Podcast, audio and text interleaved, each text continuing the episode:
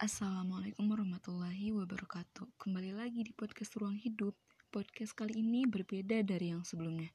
Aku akan membahas kisah mistis atau horor. Jadi, aku mau bercerita tentang pengalamanku. Jadi, selama aku tinggal di rumahku, aku tidur di kamar belakang. Lumayan luas dan aku tidur sendiri. Setiap aku tidur selalu ada yang mengganggu. Mulai dari ketindihan itu hampir setiap hari. Dan suatu ketika aku setengah sadar melihat ke arah dinding yang ada kacanya berdiri sosok tinggi besar, hitam seperti bayangan, dan se seperti memakai jubah. Saat itu, aku langsung bangun dan membaca doa. Aku pun mengalami gangguan ketindihan lagi, seperti hari-hari lalu yang setengah sadar, aku melihat ada yang sedang duduk di tubuhku, seorang perempuan yaitu Miss Kay.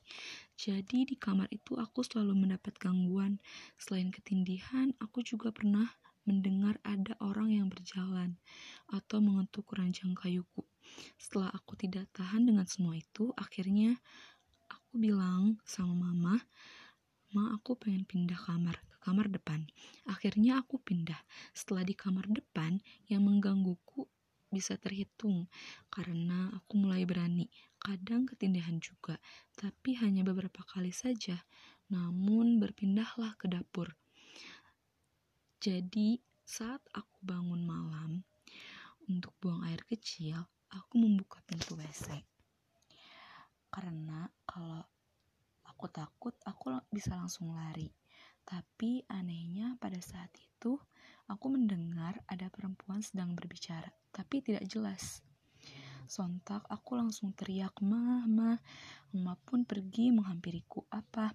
Tadi di dapur ada yang ngomong, Mama denger gak?" Dari tadi mama di kamar.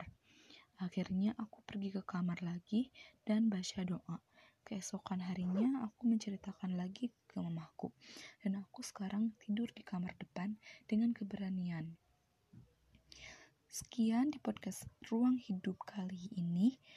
Kalian boleh request apa aja tentang podcastku. Terima kasih, sampai jumpa di episode lainnya.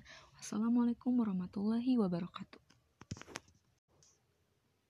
Assalamualaikum warahmatullahi wabarakatuh. Selamat datang di podcast Ruang Hidup. Kali ini aku akan membahas kisah mistis. Jadi ini adalah pengalaman tetanggaku. Cerita berawal saat tetanggaku disuruh membersihkan rumah yang besar sekali. Karena sebentar lagi akan ditempati orang baru. Sebenarnya rumah itu dekat dengan rumahku. Hanya terhalang beberapa rumah saja.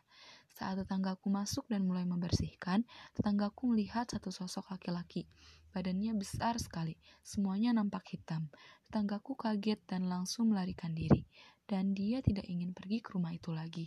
Jadi rumah itu lumayan sudah tua dan rumahnya besar. Dulu sebelum ada orang baru, teman mamaku pernah tinggal di situ.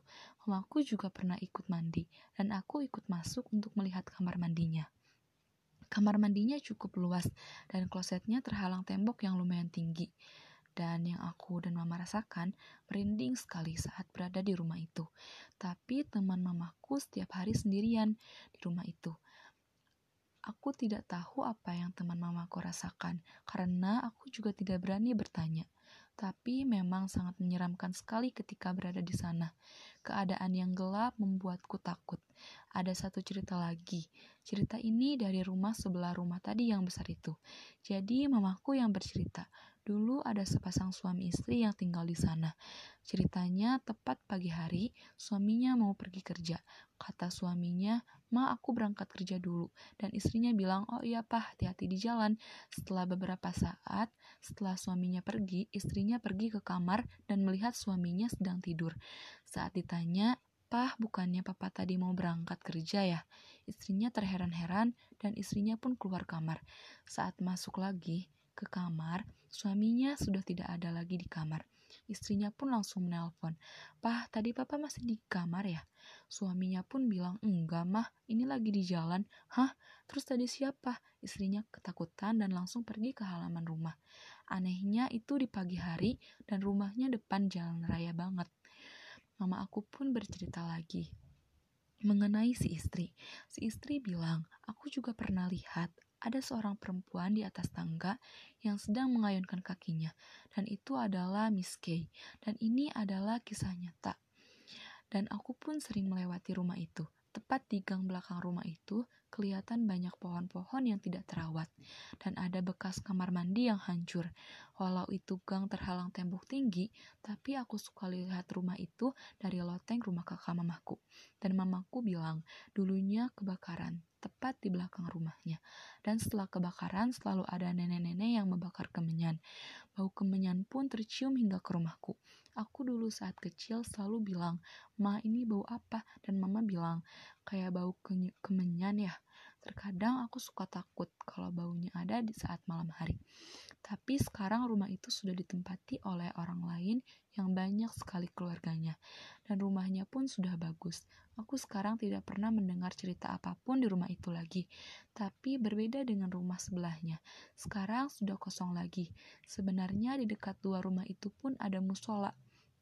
Aku pun pernah lewat musola malam-malam dan aku mendengar ada yang sedang bicara dekat musola. Sangat gelap dan itu sudah lewat waktu sholat isya. Aku pun lari terbirit-birit karena takut. Aku berpikir mana ada orang yang ngobrol malam-malam dengan keadaan gelap. Sekian dari podcast Ruang Hidup kali ini. Terima kasih sudah mendengarkan. Sampai jumpa di episode selanjutnya. Wassalamualaikum warahmatullahi wabarakatuh. Mohon maaf bila ada kekurangan.